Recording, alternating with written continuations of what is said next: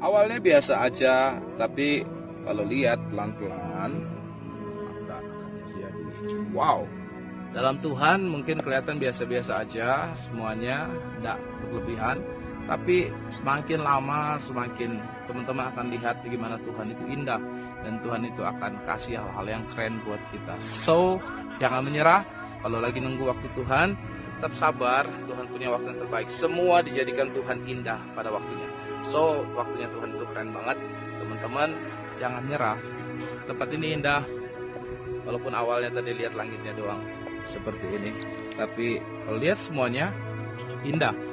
Hidup dalam Tuhan pun sama. Kalau cuma lihat satu sisi terus maka teman-teman akan lihat cuma gitu-gitu aja. Tapi kalau lihat seluruhnya yang Tuhan ciptakan seluruh yang Tuhan kerjakan pasti akan kagum kagum hormat akan engkau. Keren minta ampun. Have a nice day. God bless you. God bless you. Bye bye